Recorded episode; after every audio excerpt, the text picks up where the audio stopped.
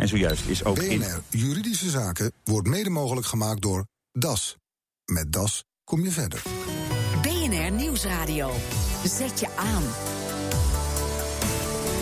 BNR Juridische Zaken. Goedemiddag. Vandaag is het een goede zet of niet om klanten van gedwongen prostitutie strafbaar te stellen. En de juridische vraag, Meindert zou ermee hebben ingestemd dat zijn website beter vindbaar zou zijn. Maar op dat moment had ik geen werkende website. Ik had hem ook niet online, dus ik heb ze aangegeven dat ik geen interesse had. Vraag is of hij toch vastzit aan een contract. Ronald Olsthoorn. Klanten die gebruik maken van de diensten van een prostituee die zijn of haar werk gedwongen verricht, kunnen straks voor maximaal vier jaar achter de tralies verdwijnen. Dat staat in een wetsvoorstel dat op het punt staat om te worden aangenomen in Den Haag. En deze plannen leiden tot nogal wat discussie en die ga ik straks ook voeren met mijn gasten. Maar eerst collega Nelke van der Heijden. Wanneer ben je precies strafbaar? Nou, als je weet of het ernstige reden hebt om te vermoeden dat er sprake was van mensenhandel. Je had het over discussie. Nou, die discussie gaat ook eigenlijk daarover.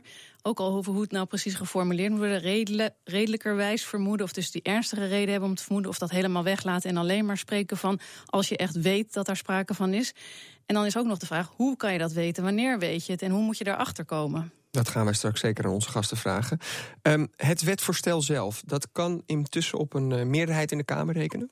Ja, daar lijkt het wel op. Het is een initiatiefwetsvoorstel van de ChristenUnie, PvdA en SP.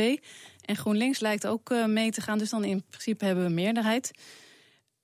Ja, in principe hebben we meerderheid dan. Oké, dankjewel Nelleke. En bij ons in de studio aanwezig de Nationaal Rapporteur Mensenhandel Corine Detmeijer. Uh, ook hier aanwezig Yvette Leurs, voorzitter van de sekswerkersvereniging Proud. En Ivo van den Berg, strafrechtadvocaat te Limburg. Uh, hier niet lijfelijk aanwezig, maar via een verbinding vanuit Maastricht. Van harte welkom allemaal. Uh, mevrouw Detmeijer, u bent uh, onze nationaal rapporteur mensenhandel... en ook een warm pleitbezorger van deze wet. Waarom? Um, mijn positie is een onafhankelijke. Ik uh, adviseer de overheid over de aard en de omvang van uh, mensenhandel. En daarbij hoort natuurlijk ook uh, om te kijken welke sectoren mensenhandel voorkomt en wat de kwetsbare sectoren zijn. En dat is ook de prostitutiesector. dus zo vanuit dat oogpunt kijk ik daarnaar. Wat wel heel duidelijk moet zijn, is dat mensenhandel en prostitutie is niet hetzelfde. Het zijn twee aparte dingen. En als ik kijk maar er komt mensenhandel voor uh, binnen de prostitutiebranche. Zeker, maar er komt ook mensenhandel voor in de horeca of in land- en tuinbouwsector. Mensenhandel kan op heel veel plekken voorkomen. Overal waar waar dit een, een, een, een uh, sector is die kwetsbaar is voor mensenhandel, is dat iets waar ik met specifieke aandacht naar kijk. En waarom kijk. heeft u dan specifiek deze wet nodig om uh, de mensenhandel binnen de prostitutie aan te kunnen pakken? Uh, bij mensenhandel in de prostitutie heb je uh, de uitbuiter, je hebt de, uh, het, het, slachtoffer en je hebt ook een klant. Um, en daar waar een klant um, ja, zou moeten weten of weten dat het gaat om een slachtoffer van mensenhandel, dan is het eigenlijk te gek voor woorden dat die daar zomaar mee wegkomt. En dat is uh, eigenlijk de reden waarom ik uh, al veel eerder een aanbeveling had gedaan om een dergelijke wet in te voeren. En ik ben dus wat dat betreft ook heel ja, ook, ik sta ook achter het initiatiefvoorstel en ook de manier waarop het nu veranderd is. Daar kan ik heel goed mee leven. De discussie is niet meer uh, het ernstige vermoeden of uh, het, het redelijke wijs. Ja. Want de initiatiefnemers hebben eigenlijk de, de, uh, de motie van Van Tongeren geïncorporeerd in hun wetsvoorstel. Lisbeth van Tongeren van GroenLinks is dat voor de volledigheid. we gaan naar mevrouw Leurs, want u staat hier namens de vrouwen en mannen uit de branche. Um, en u bent tegen. Waarom? Ja, wij geloven dat um, een, een, wet specifiek op prostitutie um, uh, eigenlijk een antiprostitutiewet is. En uh, ook wij zijn uh, tegen mensenhandel en vinden ook dat, dat, dat mensen die misbruik maken van, van, van mensenhandel, dat, dat die absoluut bestraft moeten kunnen worden. Alleen wij zouden het op prijs stellen als er een wetgeving komt die niet specifiek prostituees en prostituanten benadeelt. Want um, waarom benadeelt dit uw beroepsgroep? Wat, u, u wordt gecriminaliseerd, zegt u. Uh, nou, we worden niet gecriminaliseerd, we worden gestigmatiseerd. Um, zoals uh, uh, mevrouw Detmeijer al zei, um, mensenhandel komt niet alleen voor in, uh, in, in, in de sekswerksector. Maar op dit moment zijn, zijn die termen wel al enorm aan elkaar gelinkt. Veel mensen hebben al de overtuiging dat sekswerkers hun werk eigenlijk niet vrijwillig kunnen doen. En door wetgeving te creëren die weer specifiek op sekswerkers gericht is of uh, binnen de terminologie van sekswerk blijft vallen, uh, voelen wij ons meer gestigmatiseerd met alle gevolgen van dien. Jullie zijn daar niet mee geholpen. Maar mevrouw Detmeijer, u had het dus over die situaties waarbij je dus uh, nou ja, wel uh, op je water kunt aanvoelen dat het hier niet in de haak is. Aan, wat voor situaties denkt u dan? Nou, je zou bijvoorbeeld kunnen denken als je een, een afspraak maakt via internet en uh, op drie verschillende plekken moet komen om je volgende plek te vinden en uiteindelijk eindigt op een verlaten industrieterrein, dat dat niet helemaal een plek is waar controle is, waar gehandhaafd wordt, waar regels gelden zoals die voor de legale prostitutie, zoals we dat in Nederland kennen, wel uh, er wel zijn. Meneer Van den Berg vanuit Limburg, ja, dat klinkt inderdaad als situaties waarbij je toch wel eventjes achter je oren moet krabben, denk ik, of niet? Ja, je hebt natuurlijk hele evidente situaties. Hè. Dat zijn ook de, eh, de, situaties die nu genoemd worden. De situatie waarbij je op een uh, achterafplek komt op een industrieterrein. De situatie waarbij je uh, een prostituee ontmoet die onder de blauwe plekken zit en zich prostitueert in een kelderbox. Dat zijn natuurlijk hele evidente gevallen. En ik denk ook niet dat daar specifiek het bezwaar tegen gericht kan worden. Want ik denk dat we het daar met z'n allen wel over eens kunnen zijn nou, op het moment dat je weet, echt wetenschap hebt, zuivere wetenschap hebt, uh, dat iemand uh, slachtoffer is van mensenhandel, um, dan kunnen we ons wel iets bij een strafbaarstelling voorstellen. Um, probleem zit er natuurlijk in uh, dat dat echt maar een topje van de ijsberg is. En dan denk ik echt maar aan enkele gevallen. Um, en bovendien dat de wet zoals die er nu ligt, zoals nu wordt voorgesteld, dat die een heleboel onzekerheid met zich brengt. Waarom? Omdat het niet alleen maar gaat om die hele evidente gevallen, maar natuurlijk ook om de veel minder evidente gevallen die eigenlijk de rest van die ijsberg, van die ijsberg bestrijken.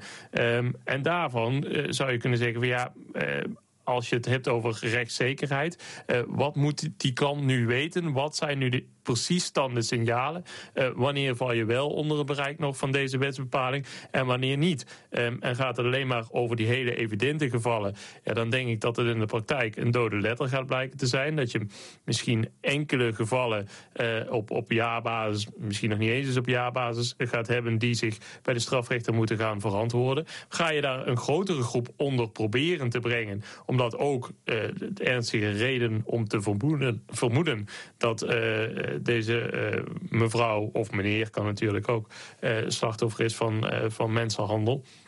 Ja, dan wordt het al heel anders. Dan worden het hele lastige dit... zaken waarin de, de, de rechtszekerheid, wat u zegt, in het geding komt. Maar laten we eerst ja. mevrouw Detmeijers ja. laten reageren op uw eerste punt. Het is het topje van de ijsberg. Uh, grotendeel is gewoon legale prostitutie. En ja, die worden dus, mevrouw Leurs zei het al, alleen maar tegengewerkt met deze wet. Ik denk niet dat je kan zeggen, en, en ook cijfers ervoor hebt, welk deel legaal, vergund of illegaal is. En ik, ik denk dat mevrouw Leurs dat ook met mij eens is dat daar. Dat is gelijk uh, het moeilijke, hè? We weten niet hoe groot nee, de omvang van het probleem is. Ja, dat, ja. Dat, dat, maakt het ook moeilijker. Uh, dus ik praat liever niet over een topje van de ijsberg. Want als je niet weet hoe groot de ijsberg is, weet je ook niet hoe groot het topje is. Um, maar als ik uh, meneer Van den Berg hoor, dan, dan lijkt het alsof dit maar heel weinig zich voor zou doen. En dat is niet zo. Er is echt wel, en dat, dat hoor ik ook van de politie, er zijn echt meerdere situaties waarbij um, ja, van, bij het opsporen vanuit internet, hè, dus vanuit internet kijken van waar gaan we zoeken naar, naar mensenhandelslachtoffers, dat ze dit soort situaties aan. Maar is dit dan een wet die dan juist alleen maar achteraf zou kunnen helpen? Van als je dus een onderzoek rond hebt voor justitie, dat je kunt zeggen van ja, uh, moet je luisteren, dit was niet in de haak, we hebben heel veel bewijzen voor, u bent er toch geweest. Um, dus kan het helpen om zo'n zaak rond te krijgen voor justitie. Achteraf nee, pas. Ik denk dat het op het moment dat de politie bij dat industrieterrein komt en daar uh, een, een, een sekswerker, een slachtoffer mensenhandel aantreft. Uh, en, en daar dus ook een klant aantreft. Nou, dan is dat het moment waarop de politie kan ingrijpen. En ik denk dat dat ook, ook heel belangrijk is. Ja, we gaan even naar de reclame. Straks uh, hoort u Yvette Leurs weer. Want we gaan het ook nog eventjes hebben over de, de gevolgen van deze nieuwe wet. Blijven de klanten namelijk voortaan weg. BNR Nieuwsradio. Zet je aan. BNR Juridische Zaken. Klanten die prostituees bezoeken die gedwongen hun werk doen, zijn voortaan strafbaar. Dat staat althans in een nieuwe wet die waarschijnlijk kan rekenen op de steun van een meerderheid in de Tweede Kamer. We praten er vandaag over in juridische zaken met de Nationaal Rapporteur Mensenhandel Corien Detmeijer, Yvette Leurs, voorzitter van de sekswerkersvereniging Proud. En vanuit Maastricht is bij ons strafrechtadvocaat Ivo van den Berg. Uh, mevrouw Leurs, um, Um, u eh, bent dus niet voor deze wet. Um, merkt u al, hij is er dus nog niet, maar hij komt er wel aan. Merkt u in de praktijk al de gevolgen van de wet? Um, nou, we horen uh, eigenlijk al vanaf de, de, de eerste uh, initiatieven rondom deze wet um, dat, um, dat klanten onrustig uh, werden. Van, van niet, niet omdat ze dingen deden die niet mogen, maar uit onwetendheid. Betekent dat dat ik nu al vervolgd kan worden? Betekent ik, kan, ik, kan ik zelf wel inschatten wanneer iemand gedwongen is, ja of nee? Ja. En en dat is, dat, dat is ook heel lastig. We hebben bijvoorbeeld in Den Haag zien we dat um, um, voordat je aan het werk mag, uh, dan uh, moet je op gesprek komen of je wel uh, zelf kan bepalen of je dit werk wil doen. En dat is een team. Dat wordt door, door een team mensen besloten of je aan het werk mag. Van, van opgeleide politieagenten. Dus dat is al nodig om te kijken of, of iemand. Uh, ja, dus en, en, en dat betekent, er ontstaat ook een schijnveiligheid. Onrust weten... op de werkvloer eigenlijk. Als absoluut, ja, absoluut. Mevrouw Detmeijer, denkt u ook niet dat, dat deze wet averechts zou kunnen werken? Dus inderdaad dat klanten bang zijn uh, om vervolgd te worden misschien wel... en dat ze daardoor juist misstanden niet gaan melden? Nee, daar ben ik eigenlijk niet oh. bang voor. Ja, ja u, bent, u, bent, er niet bang voor, zei Ik ben er niet bang voor.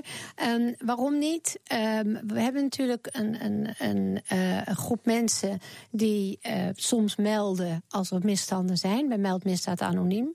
Um, dat is een anonieme wijze van, van melden. Er is geen enkele reden waarom ze dat minder zouden doen. En of dat klanten zijn die melden nu, dat is eigenlijk ook niet helemaal duidelijk. Dus ik denk, daar ben ik eigenlijk niet bang voor. Um, ik, ik begrijp wel een stukje van die onrust. Aan de andere kant, um, de balans die we eigenlijk moeten zoeken is tussen de autonomie en de destigmatisering van de sekswerker aan de ene kant en ook de bescherming van kwetsbaren aan de andere kant. En die balans die is soms ook wel lastig. Dus ik heb ook wel begrip voor, voor wat uh, mevrouw Leurs zegt als, als voorzitter van een belangenvereniging. Maar als overheid heb je ook het, het, het belang, zeg maar, of de zorg voor die kwetsbaren. En ik denk dat daar deze wetgeving ook op doelt. Meneer Van den Berg, hoe denkt u dat het zich allemaal verder gaat ontwikkelen? Want u heeft uh, nou, met dit bijltje gehakt natuurlijk. U was advocaat in de ja, toch wel uh, roemruchte Valkenburgse zedenzaak. Waarbij uh, mm-hmm. uh, nou ja, justitie 80 mannen ervan verdacht seks te hebben gehad met een 16-jarig meisje. Zij was slachtoffer van een loverboy. Uiteindelijk relatief lage straffen zijn daaruit gekomen. het ging natuurlijk om minderjarig, wat sowieso strafbaar is. Maar met deze wet, stel dat die er komt, zouden dus in zulke soort zaken de straffen wel hoger kunnen uitvallen misschien in de toekomst. Op zich is de strafbedreiging uh, voor jeugdprostitutie ook vier jaar. Dus in die zin wijkt de strafbedreiging voor het nieuwe wetsartikel uh, niet af van de strafbedreiging voor jeugdprostitutie. Groot verschil zit er natuurlijk in dat uh, het uh, seks hebben met een meisje van 16 of 17 tegen betaling, um, dat dat strafbaar is omdat die leeftijd vaststaat. Die is objectief vast te stellen, een objectief bestanddeel noemt men dat. Um, en dat is natuurlijk bij het strafbare feit waar we het nu over hebben, is dat niet zo. Hè? Het is de invulling van nou ja, eh, de wetgever natuurlijk in eerste instantie. Die zal bepaalde uh, situaties gaan benoemen uh, waar aan gedacht moet worden. Uh, maar daarnaast is het natuurlijk ook de klant die moet gaan vragen um, aan zo'n prostituee. Um, ja, hoe, hoe zit het eigenlijk allemaal? Um, klopt dit al allemaal? Heb je geen pooier? Um, dus Denkt u dat dit soort zaken groot... veel bij de rechter zullen komen en dat het dan ja, uiteindelijk spaak loopt? Ja, dat denk ik wel. Um, ik denk namelijk dat de gevallen waarbij je eh, de, pure wetenschap kunt aantonen dat die gevallen uh, nou ja, op één hand te tellen zijn. Um, bovendien, je moet iemand ook nog maar aantreffen natuurlijk. Um, en anders dan mevrouw Detmeijer denk ik, ja, als een klant achteraf um, wellicht toch wat signalen heeft dat een prostituee slachtoffer is van mensenhandel, maar wel uh, weet, ik heb uh, met die prostituee uh, seks bedreven, is het natuurlijk nog maar de vraag of die klant dan inderdaad zo happig is om naar de politie te stappen en die signalen die hij heeft, om die ook kenbaar te maken dan bij de politie. Wetende dat hij zich dus mogelijk zelf schuldig heeft ja. gemaakt aan een strafbaar feit. Dat punt hadden we net ook even gemaakt, maar ja goed, mevrouw Detmeijer is op zoek naar die balans, hè, zei ze. Ja, maar die klanten gaan nu ook niet naar de politie. Die klanten bellen nu, meldmisdaad anoniem. En, en dat is toch een andere manier van je kenbaar maken. En ik zie daar eigenlijk niet veel verschil in. Nou ja, en de opsporing is daar dan natuurlijk wel weer. Uh, kom je daar dan wel weer bovendrijven? Op... Ja, maar dat denk ik niet, want dan komt die klant niet bovendrijven. We gaan uh, richting het uh, einde van dit programma alweer. En mevrouw Leurs, nog eventjes dan vanuit het perspectief van de prostituees zelf. Waar zou u het meest geholpen zijn? Niet met deze wet dus kennelijk, maar wat zou u wel graag willen? Wij zijn, uh, wij zijn voor decriminalisatie. Um, wat betekent uh, de, ja, de, regu de regulatie rondom het vak opheffen en ons behandelen als als, als zelfstandige uh, sekswerkers en dus normale, normale mensen. Maar soms, uh, is een, een heel mooi filmpje over, waarin gezegd wordt: de vraag die je niet moet stellen, je moet niet de vraag stellen: zou je willen dat je dochter de prostitutie ingaat, sekswerker wordt? Maar de vraag die je moet stellen is: zou je willen, als je dochter sekswerker is, dat ze veilig haar werk kan doen? En ik denk dat die laatste vraag ook de vraag is die we, die we ook moeten beantwoorden. Absoluut. Daar is denk ik niemand op tegen. Ik moet het eh, hierbij laten, helaas. Uh, dank jullie wel voor jullie komst. En dank ook uh, Ivo van den Berg vanuit uh, Maastricht. BNR Juridische Zaken. Ronald Olstorm. Wie zich inschrijft bij de Kamer van Koophandel moet op zijn hoede zijn voor telefonische verkoop van internetdiensten. Je zit er sneller aan vast dan je denkt. Collega Meijnerd Schut, net naast het BNR-werk een eigen bedrijfje begonnen, ingeschreven bij de Kamer van Koophandel. En wat gebeurde er toen? Ja, in januari uh, dit jaar, 2016, werd ik gebeld door een bedrijf dat zich de MKB-gids Nederland noemt. En die wilde mij een aanbod doen, waardoor mijn website beter vindbaar zou zijn online. Maar op dat moment had ik geen werkende website. Ik had hem ook niet online, dus ik heb ze aangegeven dat ik geen interesse had. Oké, okay, dus einde verhaal. Nou, helaas niet, want ik vond het namelijk prima als zij mij een voorstel zouden sturen. Hè, misschien dat ik in de toekomst er wel interesse in zou hebben.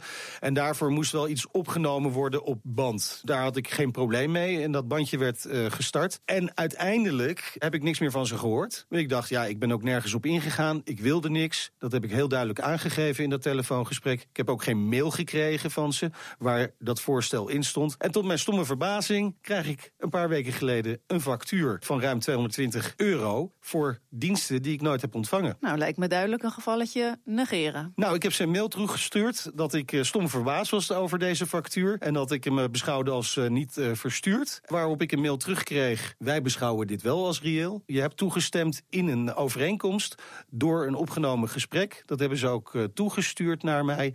En een welkomstmail. Nou, die welkomstmail, daarvan zeg ik, die heb ik nooit ontvangen. Ik had ook niet kunnen weten hoe ik na 14 dagen niet op hun aanbod zou kunnen ingaan. En ik heb uiteindelijk een mail gekregen na twee keer aandringen. En in die mail staat notabene inloggegevens van iemand anders. Dus dan kan het ook nooit het aanbod aan jou zijn? Nee, dat lijkt mij ook. Dit voelt voor mij als een gefabriceerde mail... waarin ze even de inloggegevens van iemand anders per ongeluk in hebben gekopieerd. Ik ga er dus vanuit dat dit geen akkoord is. Mijn vraag is daarom, moet ik hier iets mee of kan ik dit gewoon negeren? Mars van den Berg van Hukkeren Advocaten. Mijn collega Meindert vraagt zich af of hij de factuur die hij onlangs heeft gekregen kan negeren. Ik heb de bandopname gehoord van het telefoongesprek dat Meindert heeft gehad met het bedrijf. En dan hoort dat het bedrijf hem uitlegt dat er een aanbod is gedaan. En dan wordt aan hem gevraagd of hij het daarmee eens is. En dan antwoordt hij dat hij het ermee eens is. En er wordt ook besproken wat de prijs zal zijn en dat soort zaken. In dat geval lijkt het er eigenlijk wel op dat er een afspraak gemaakt is. En dan zou hij er dus niet meer onderuit komen. Maar hij geeft al duidelijk aan, hij heeft helemaal geen website die online staat. Dus het is voor hem nu niet interessant, maar hij wilde eventueel wel een voorstel ontvangen. Nou, in dat geval hebben ze maar een stukje opgenomen van wat er tijdens dat hele telefoongesprek gezegd is. En als hij kan laten zien dat hij geen website had. En als hij ook nog kan aantonen dat hij dat in dat telefoongesprek aan de orde heeft gesteld, maar dat dat niet opgenomen is, dan denk ik dat de afspraak breder is dan alleen het stukje wat ze nu hebben laten horen. En dan kan hij er nog wel vanaf? In dat geval geef ik hem nog wel een kans. En hoe moet hij dat dan aanpakken? Dan zou ik er maar eens mee beginnen om die factuur voorlopig niet te betalen en even af te wachten wat het bedrijf tegen hem gaat ondernemen. En als het uiteindelijk voor de rechter komt? Dan zal de rechter goed gaan kijken naar wat de situatie precies was of er inderdaad een website was en of het logisch is dat Meinert nog meer heeft gezegd dan wat er nu allemaal is opgenomen. En nou speelt ook nog dat hij uiteindelijk na lang aandringen, want hij zou al een welkomstmail gehad hebben en die heeft hij zelf nooit gekregen. Na lang aandringen kreeg hij alsnog. En daar staan verkeerde inloggegevens in. Kan hij daar nog wat mee? Ik heb die mail gezien en daar staan de inloggegevens in van heel iemand anders. Dus dat is wel heel erg onzorgvuldig van het bedrijf. Maar ik denk niet dat je alleen op basis daarvan kan zeggen dat er dan geen afspraak gemaakt is. En dat zegt advocaat Marnix van den Berg in een verslag van Nelleke van de Heijden. Hij benadrukt nog dat alle alarmbellen af moeten gaan zodra zo'n partij het gesprek wil opnemen. Want de mondelinge overeenkomst is ook een overeenkomst. Heeft u zelf een juridische vraag? U kunt hem naar ons mailen. Het adres is juridischezaken.bnr.nl. Mijn naam is Ronald Olstorn. Tot de volgende zitting. BNR Juridische Zaken wordt mede mogelijk gemaakt door DAS. Met DAS kom je vet.